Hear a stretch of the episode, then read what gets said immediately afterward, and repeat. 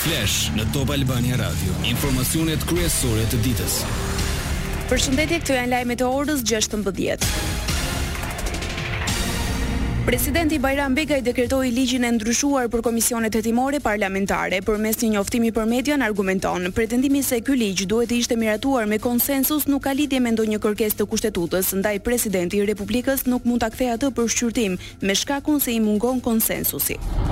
Më tej presidenti thekson se zhvillimi me dyer të mbyllura i komisioneve hetimore nuk i kundërvihet transparencës. Sipas Begajt, kthimi i ligjeve nuk është instrumenti që lehtëson dialogun politik ndaj palëve i drejtohet me thirrjen për t'u ulur në dialog e për të bashkëpunuar për të mirën e përbashkët. Gazmend Bardhi doli në një deklaratë për mediat pasi presidenti Begaj dekretoi ndryshimet në ligjin për komisionet hetimore. Bardhi tha se Begaj humbi shancin për të qenë mbi palët e sipas tij, tha një të pavërtetë kur u shpreh se opozita ka shmangur mundësinë për dialog. Shpallja e ligjit sot është bërë bazuar në parimin që nëse Edi Rama do të jepte dakortësinë për ta rishikuar ligjin, presidenti i Republikës do të gjente argumenta kushtetues për ta kthyer atë për rishqyrtim. Sot, Presidenti i Republikës humbi përfundimisht shancin të jetë mbi palët, të jetë përfaqësues i unitetit të popullit, të jetë garant i funksionimit kushtetues të institucioneve. Sot, Presidenti i Republikës na tha se që ai të ushtrojë kompetencat e tij kushtetuese, do duhet të japë aprovimin Edi Rama. Top Albania Radio. Grabisnin para në bankomate të Tiranës tre rumunë në kërkim. Identifikimi i tyre u bë në kuadër të operacionit policor të koduar Goldi Shaks. Hetimet treguan se ata vodhën shuma monetare duke ndërhyrë në sistemet kompjuterike me anë të prodhimit të kartave të klonuara, e duke e dëmtuar ATM-të me mjete të forta për të ndërhyrë në sisteme në dy institucione financiare. U shty për më dy shkurt seanca paraprake për ish-zëvendëskryeministrin Arben Ahmetaj, i akuzuar për shpërdorim detyre në çështjen e privatizimit të ish-fabrikës së bukës. Në gjykatën e posaçme, seanca ishte planifikuar të zhvillohej me dyer të mbyllura. Pas shtyrjes, avokati kërkoi që gjykimi të konsiderohet i pavlefshëm. Paraqitëm disa pretendime lidhur me pavlefshmërinë e akteve dhe për cënimin thelbësor të drejtave të mbrojtjes në këtë hetim.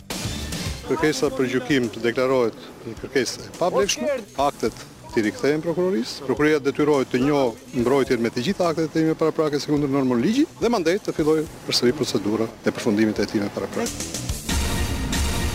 Gjykata e Tiranës e nxjerr nga qelia Valter Bamin duke e lënë në arrest shtëpie. Bami u arrestua për armbajtje pa leje pas atentatit të katër korrikut të vitit të kaluar ndaj Gentian Bejtjas në Larush të Krujës e ku mbeti i vrarë kunati i tij Ramazan Sino si dhe u plagosën dy fëmijët e mitur të Bejtjas. Prokuroria kërkoi arrestimin e Bamit por duket se ende nuk është provuar se ai mori pjesë në ngjarjen kriminale.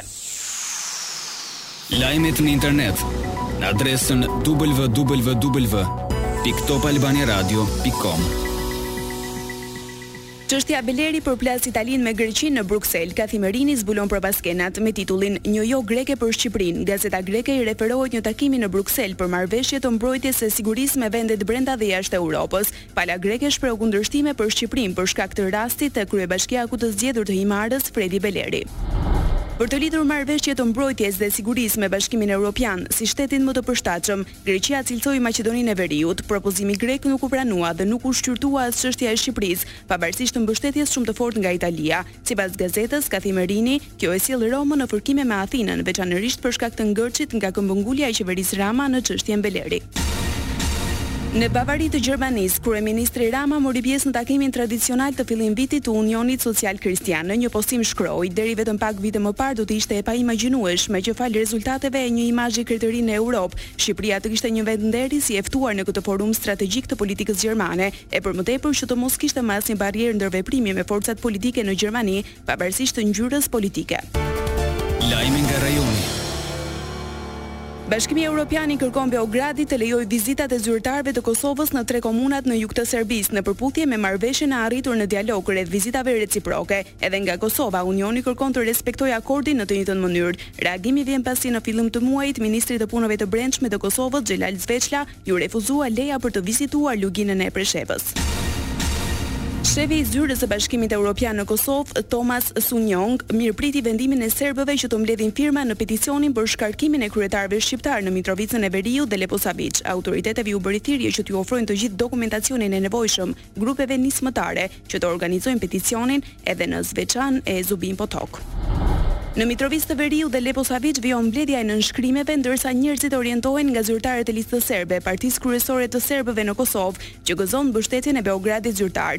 Diplomati tha se mbajtja e shpejtë e zgjedhjeve të parakohshme me pjesëmarrjen e pakushtëzuar të serbëve të Kosovës mbetet e rëndësishme. Lajme nga bota.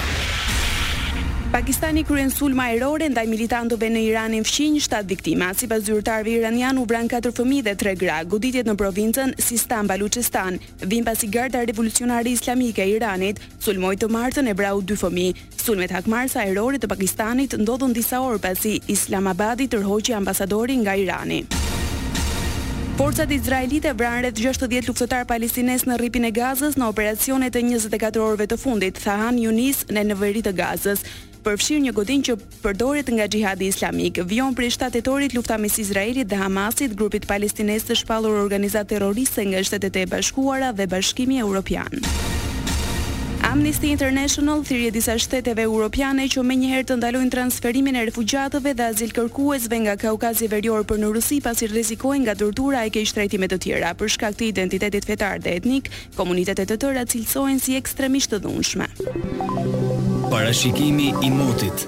Edhe në vijim vendi ynë do të ndikohet nga kushte të qëndrueshme atmosferike si rezultat i masave ajrore të lagështa me origjinë jugperëndimore. Moti vijon me vranësira e shira që mund të shfaqen problematike kryesisht në Shkodër, Lezhë, Tiranë, Durrës, Elbasan. Temperaturat variojnë nga tre në njëzet e dy gradë celsius.